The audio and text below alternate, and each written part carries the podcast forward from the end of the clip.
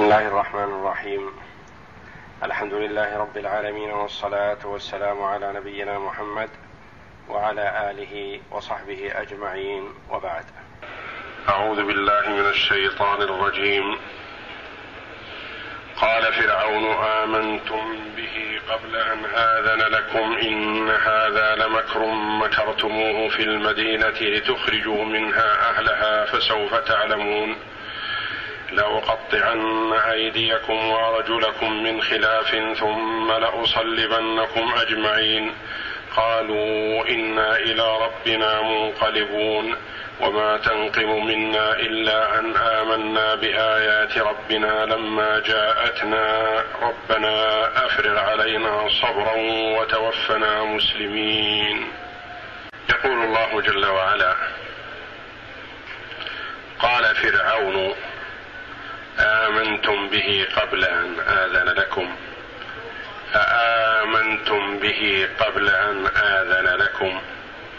إن هذا لمكر مكرتموه في المدينة لتخرجوا منها أهلها فسوف تعلمون.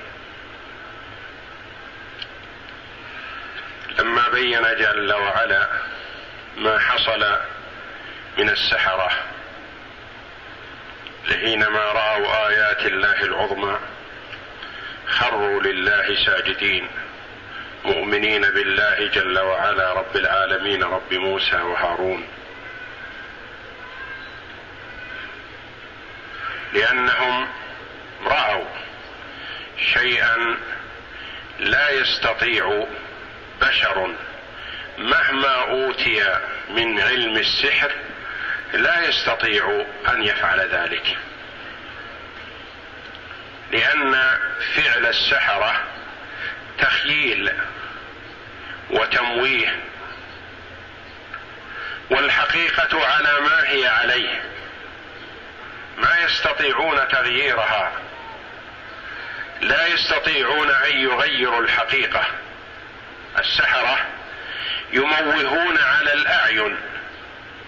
ترى كأنها حيات وأفاعي وهي في الحقيقة حبال وعصي.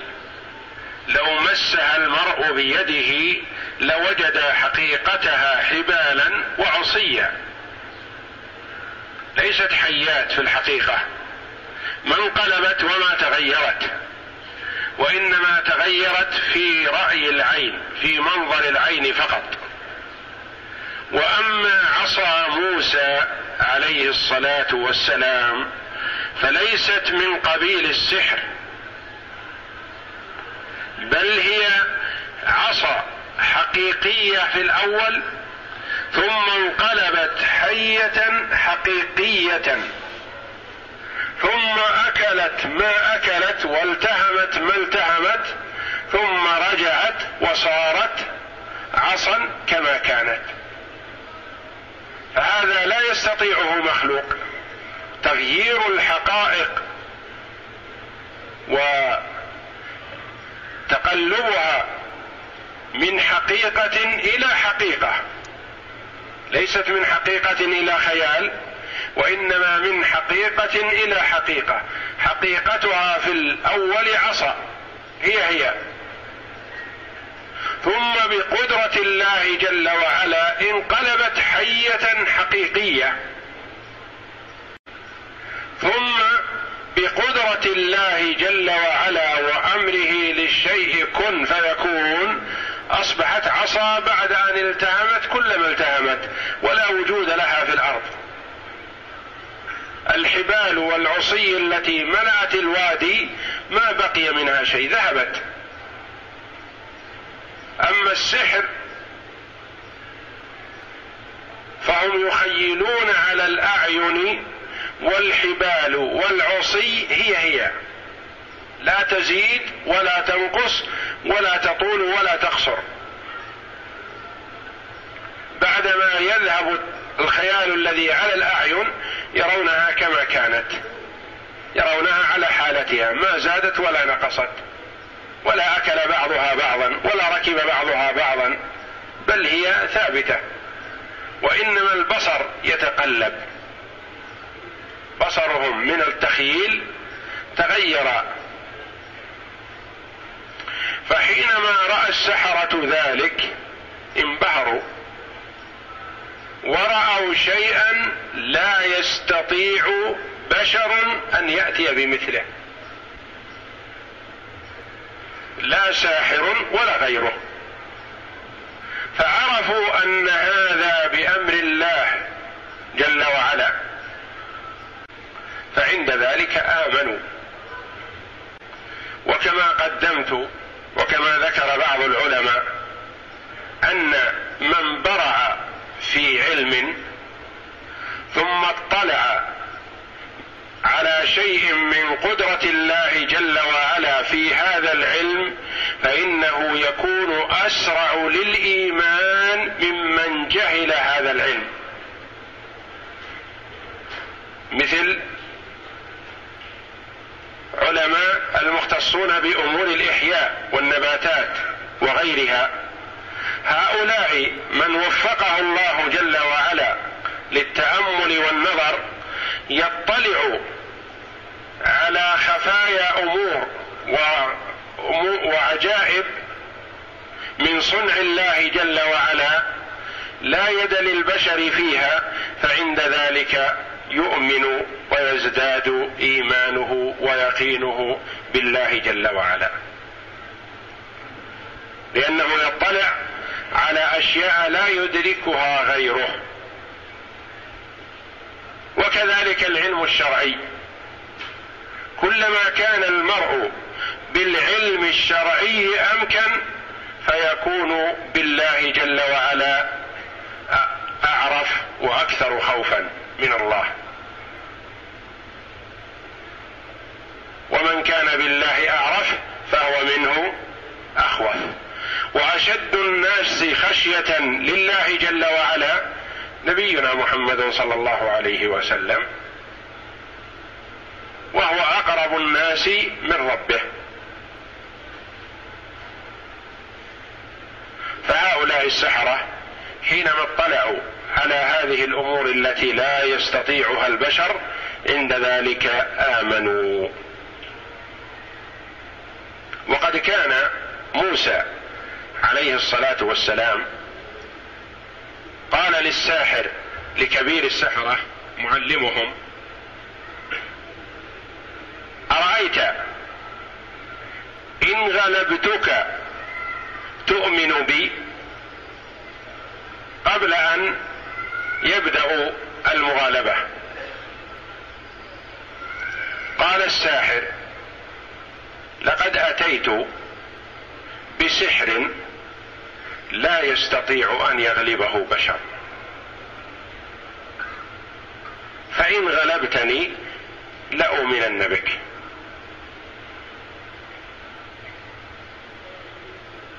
وعد موسى بهذا.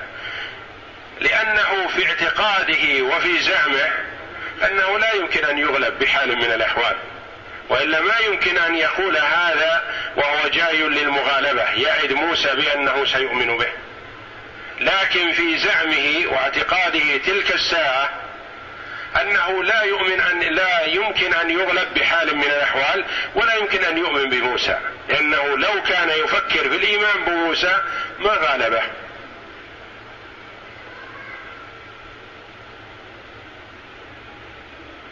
وانظر إلى لطف الله جل وعلا بعباده وتقليبه للقلوب بلحظة.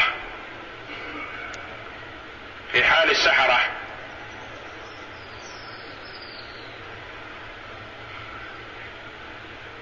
من قسمه بعزة فرعون إلى أن يقول لفرعون اصنع ما أنت صانع.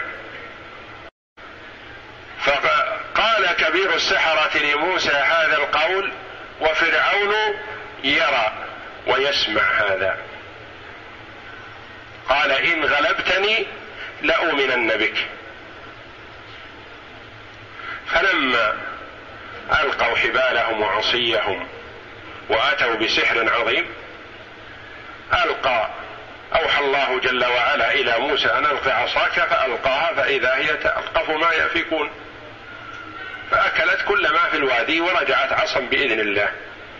فعند ذلك خر خروا لله سجدا إيمانا بالله جل وعلا. فتذكر فرعون الكلام الذي حصل بين موسى وكبير السحرة قبل المناظرة. فقال فرعون للسحرة آمنتم به على سبيل الخبر؟ أو أآمنتم به على سبيل الاستفهام الإنكاري؟ قبل أن آذن لكم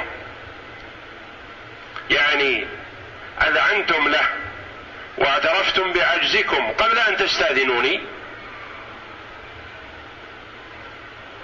كان المفروض في نظره أن المرأة إذا ظهرت له أنه مغلوب لا يظهر هذا الغلبة حتى يرجع إلى من بعثه فيخبره هل يسلم ويعترف أو يبحث عن طرق أخرى. فيقول أآمنتم به قبل أن آذن لكم؟ قبل أن تخبروني وأعطيكم الإذن على الإذعان له؟ إن هذا أي هذا الاعتراف منكم والإيمان به وتصديقه لمكر مكرتموه في المدينة قبل الخروج إلى الوادي حينما حصلت بينكم المناجاة. والكلام قبل المناظرة اتفقتم على أن تنغلبوا له حتى تمكروا بأهل مصر وتخرجوا الأقباط منها ويستولي عليها بنو إسرائيل لأنه كما تقدم أغلب السحرة من بني إسرائيل. وموسى عليه الصلاة والسلام هو من بني إسرائيل. لتخرجوا منها أهلها. يعني هذا مكر وتخطيط منكم مسبق لأجل أن تخرجوا من مصر أهلها الأقباط ويستولي عليها بنو إسرائيل. وأتى بكلام ليستثير الناس والأقباط كلهم. ولم يجعل الغلبة أو الهزيمة على نفسه وحده وأخذ ملكه من يده والقضاء عليه. لأنه كما قدمت أن المرء إذا أراد أن يستفز من حوله جعل كأن الغليبة والهزيمة عليهم كلهم وكأنهم هم المقصودون بالذات وليس هو المقصود وحده. قال لتخرجوا منها أهلها من أجل أن يساعدوه على ذلك. فسوف تعلمون. هذا وعيد منه. يتوعدهم. بماذا؟ بينه فيما بعد. قال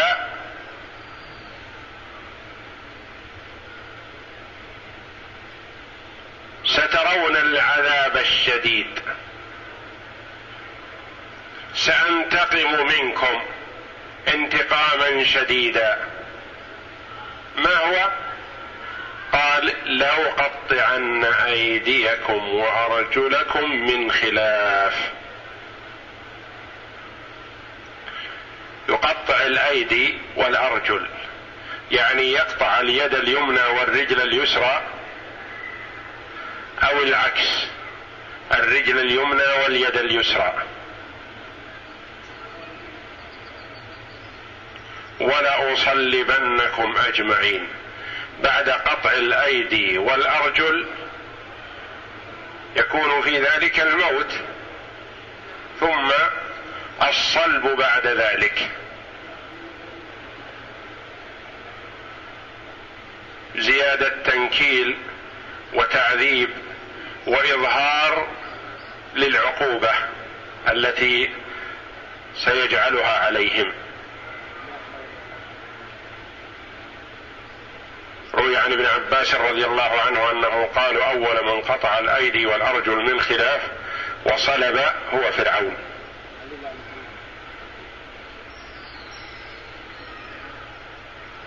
من خلاف يعني لا اليد اليمنى والرجل اليمنى وإنما اليد اليمنى والرجل اليسرى أو العكس.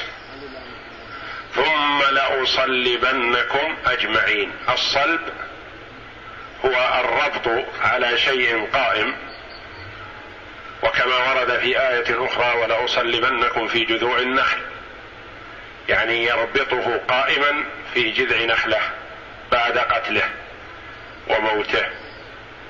ومن المعلوم أنه إذا قطعت اليد والرجل من خلاف وتركت يسيل دمها فإن المرء يموت ولا محالة.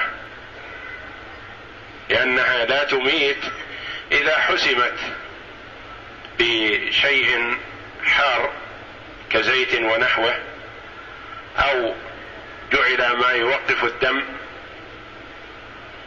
إذا لم يقصد تمويت المرء وإنما لل لبتر يده أو رجله إذا كانت متعدية آثمة ولا يراد قطع رقبته فإنه بعدما تقطع اليد أو الرجل تحسم بأن تغمس في زيت مغلي فيقف دمها.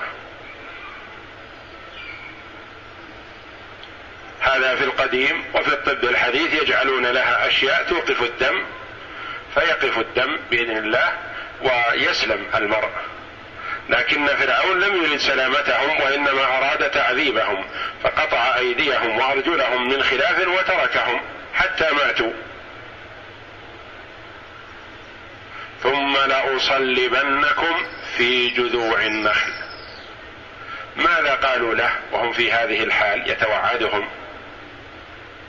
ويريد الانتقام منهم؟ وقد كانوا من قبل يسألونه الأجر والقرب عنده.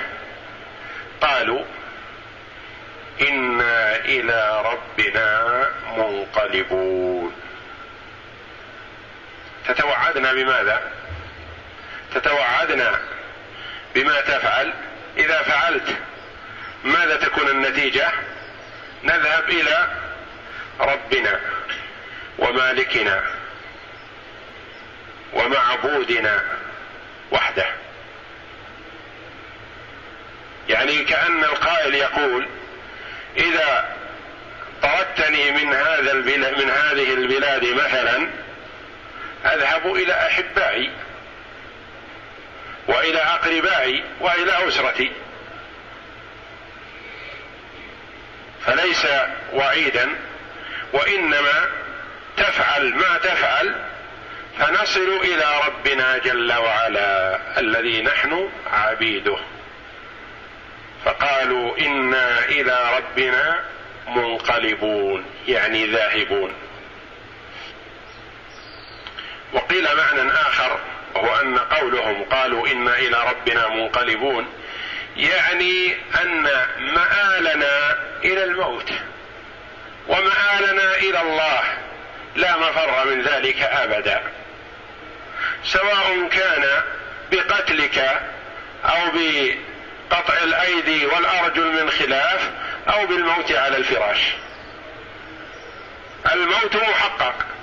الرجوع إلى الله لا محالة. وبأي سبب كان مقبول. لا يهمنا. والمؤمن يعلم أنه لا يتقدم أجله ولا يتأخر. فإذا جاء أجلهم فلا يستأخرون ساعة ولا يستقدمون.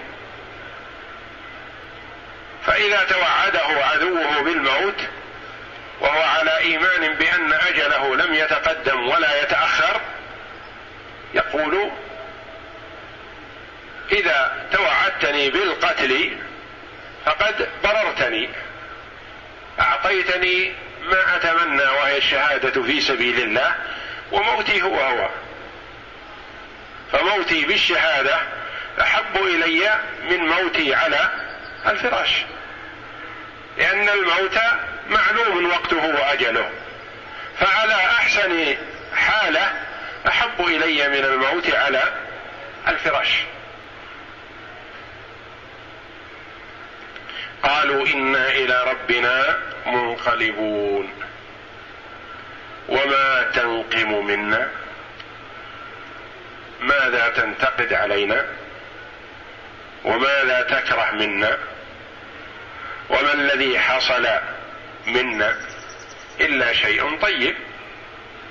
وما تنقم منا إلا أن آمنا بآيات ربنا لما جاءتنا. ما أخطأنا؟ ولا تعمدنا الخطأ ولا أجرمنا في المدينة. ولا تعاطينا الفحش ولا فعلنا شيئا يوجب الانتقام منا. إنما فعلنا شيء نفيس وغال وهو الإيمان بالله وبآياته لما ظهرت بين أيدينا واضحة جلية.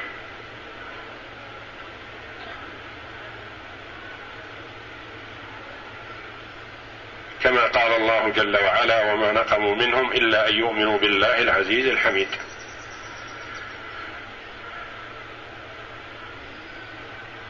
وكما تقول لصاحبك ما تنقم مني إلا أنني أدعو إلى الله وإلى عبادته وحده. فهذا لا يستوجب الانتقام هذا عمل طيب وما تنقم منا إلا أن آمنا بآيات ربنا لما جاءتنا.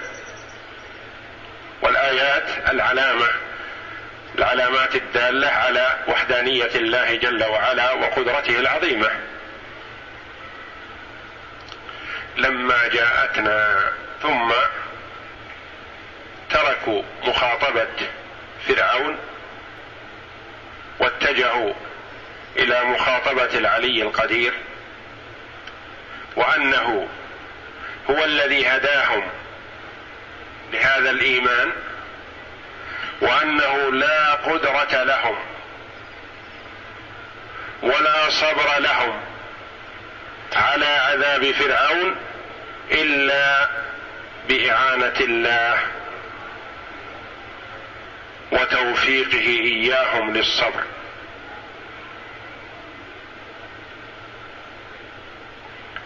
فقالوا ربنا أفرغ علينا صبرا. ربنا أفرغ الإفراغ هو الصب ويأتي هذا في كثرة المطلوب.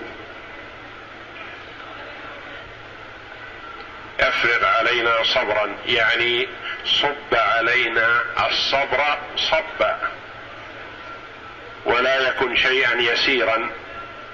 لا يقابل اذى فرعون وإنما ليكن هذا الصبر الذي تعطينا إياه صبرا عظيما. نستحلي فيه الأذى. فكلما كان المؤمن كثير الصبر فإنه يستهين العذاب في ذات الله.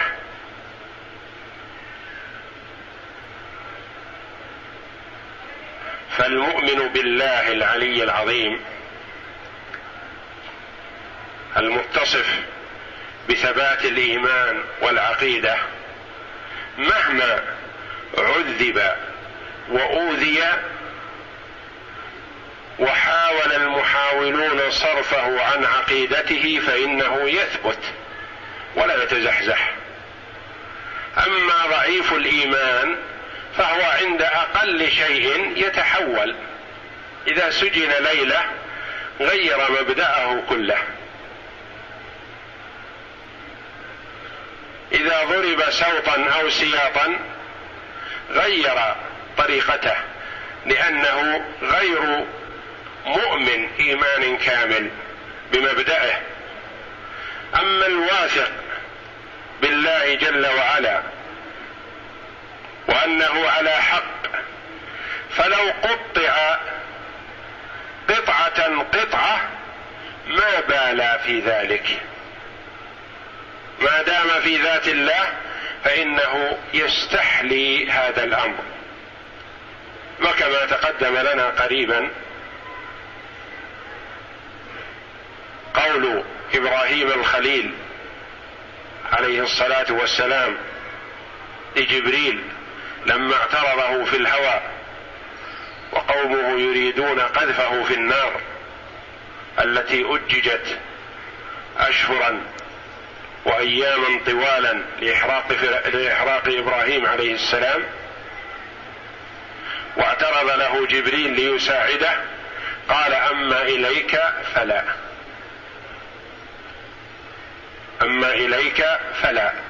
لأنه واثق بأنه على مرعى ومسمع من ربه جل وعلا وأنه مستحل هذا القذف في النار ما دام في ذات الله.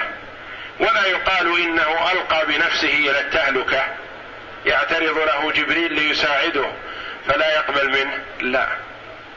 بل هو واثق بالإيمان بربه جل وعلا وأن العذاب مهما عظم في ذات الله فهو حلو ومقبول. وهكذا صفة كل من اقتدى بالصالحين وخيار خلق الله أنبيائه ورسله عليهم الصلاة والسلام. فإنه يستسيغ العذاب ويستسهله لأنه في ذات الله. فالمؤمن مهما عذب في سجون الظلمه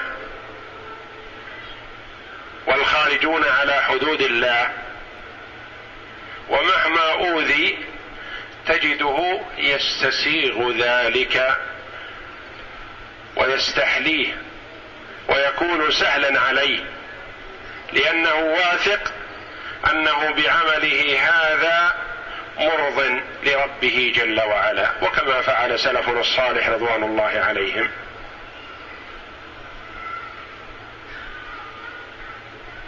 فالإمام أحمد رحمه الله عذب وضرب بالسياط وهو شيخ كبير من أجل أن يرجع عن قوله وهو قول أهل السنة والجماعة أن القرآن كلام الله.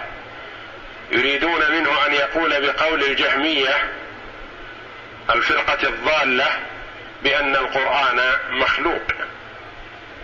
فأبى رحمه الله وصبر على الأذى والتعذيب والسياط وهو شيخ كبير والسجن لأنه في ذات الله من أجل إعزاز دين الله. ولما جاءه بعض ومعهم الأقلام والمحابر. يقول فقلت لهم ماذا تريدون؟ قالوا نريد أن نكتب ما يقوله الإمام أحمد. ما يقوله؟ فرجعت يقول فأخبرته. فقال يا مروذي أتريد أن أن أضل هؤلاء؟ يعني وأنقذ نفسي أنقذ نفسي من الضرب وأضل هؤلاء الخلق بكلام أتأول فيه لأنهم سيأخذون عني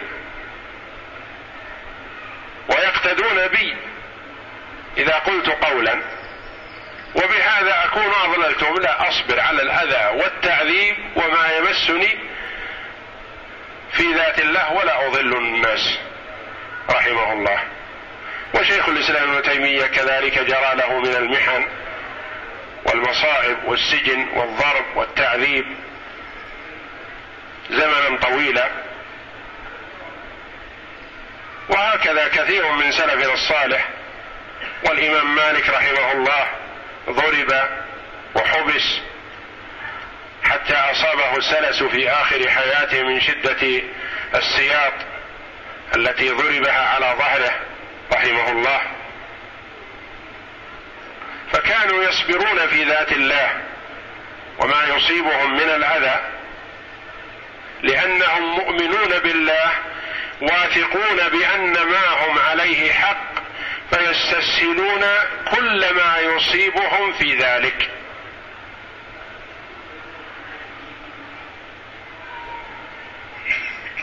وهكذا السحرة الذين آمنوا بموسى عليه الصلاة والسلام واعترفوا بوحدانية الله فكانوا كما قال بعض السلف في أول النهار سحرة فجرة وفي آخره شهداء بررة في يوم واحد. في أول النهار يقولون بعزة فرعون إنا لنحن الغالبون. وفي آخره شهداء يتقلبون في أنهار الجنة.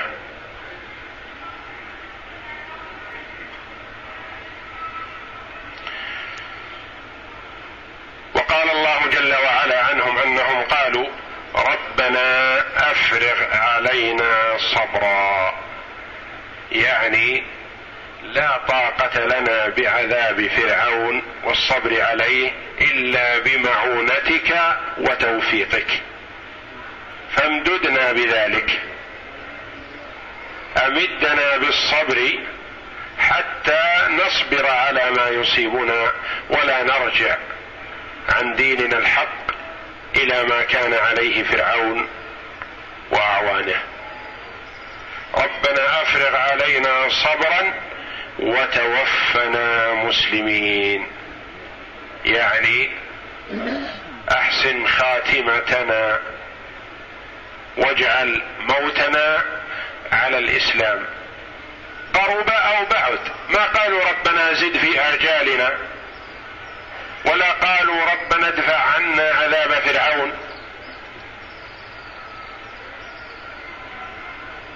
وإنما طلبوا الوفاة والموت على الإيمان وهذا غاية ما يتمناه المؤمن أن يموت على خاتمة حسنة على الإسلام والإيمان بالله. ولا يهمه المؤمن موته قريب أو بعيد المهم أن يكون على الطاعة وعلى الخير وعلى العمل الصالح. ربنا أفرغ علينا صبرا. وجاء بالصبر نكرة لأنه أعظم وأكثر. يعني صب علينا صبرا عظيما حتى نطيق اذى فرعون ونتحمله في ذاتك. وتوفنا مسلمين. الوفاة بمعنى الموت يعني أمتنا على الإسلام. أمتنا وأنت راض عنا. نعم.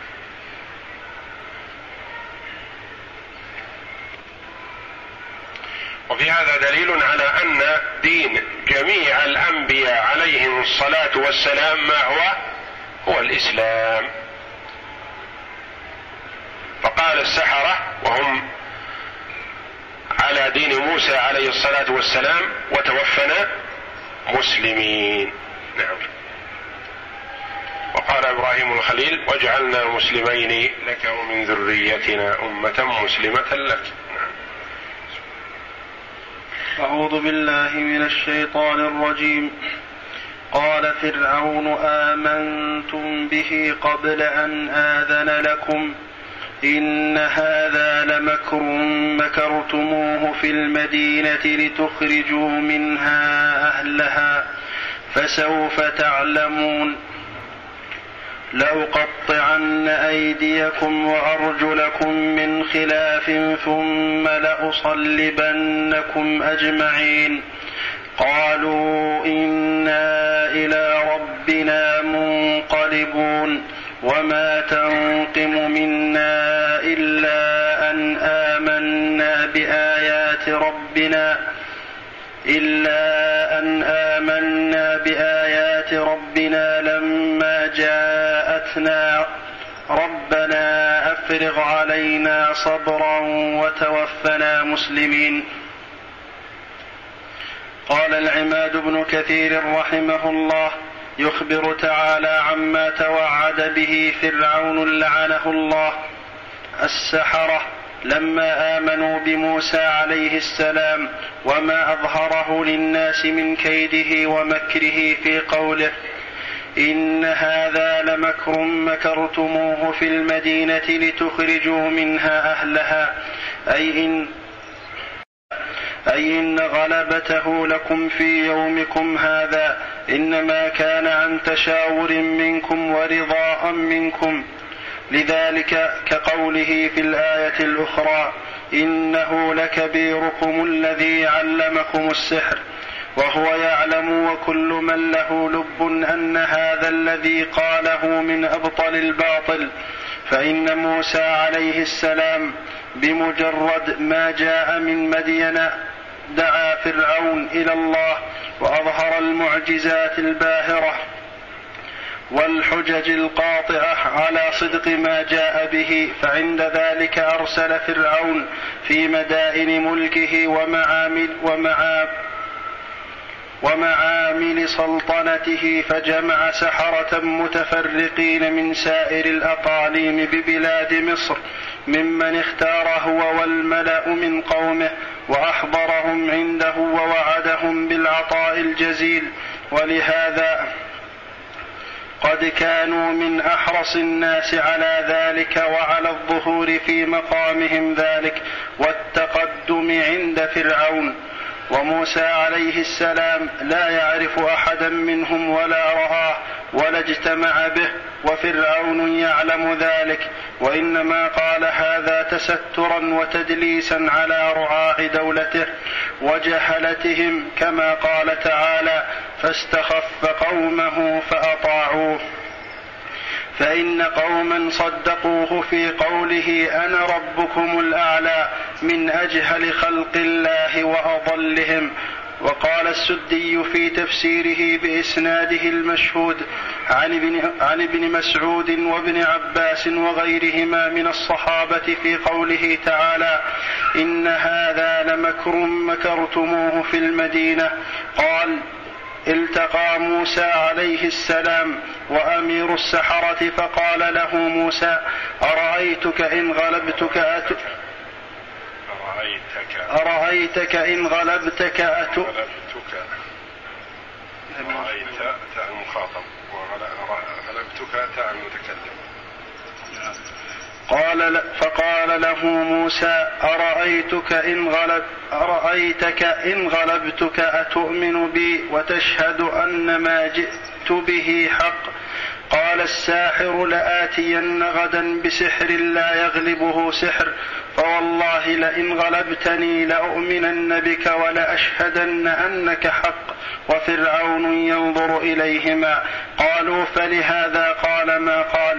وقوله لتخرجوا منها أهلها أي تجتمعوا أنتم وهو وتكون, وتكون لكم دولة وصولة وتخرجوا منها الأكابر والرؤساء وتكون الدولة والتصرف لكم فسوف تعلمون أي ما أصنع بكم ثم فسر هذا الوعيد بقوله لأقطعن أيديكم وأرجلكم من خلاف يعني يقطع يد الرجل اليمنى ورجله اليسرى أو بالعكس ولأصلبنكم بالعكس يعني رجله يده اليسرى ورجله اليمنى. نعم.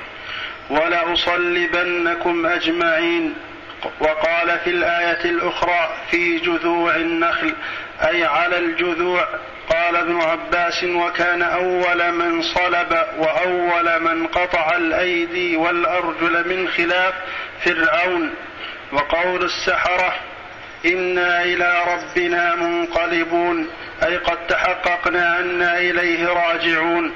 وعذابه أشد من من عذابك ونكاله على ما تدعونا إليه اليوم وما أكرهتنا عليه من السحر أعظم من نكالك. فلنصبرن اليوم على عذابك لنخلص من عذاب الله. ولهذا قالوا ربنا أفرغ علينا صبرا. أي عمنا بالصبر على دينك والثبات عليه وتوفنا مسلمين. أي متابعين لنبيك موسى عليه السلام وقالوا لفرعون فاقض ما أنت قاض إنما تقضي هذه الحياة الدنيا.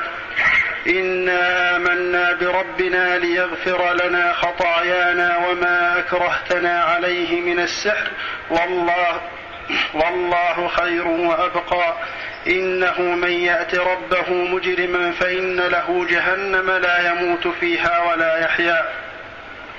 ومن يأته مؤمنا قد عمل الصالحات فأولئك لهم الدرجات العلى فكانوا في أول النهار سحرة فصاروا في آخره شهداء بررة. قال ابن عب قال ابن عباس وعبيد بن عمير وقتاده وابن وابن جريج كانوا في أول النهار سحرة وفي آخره شهداء.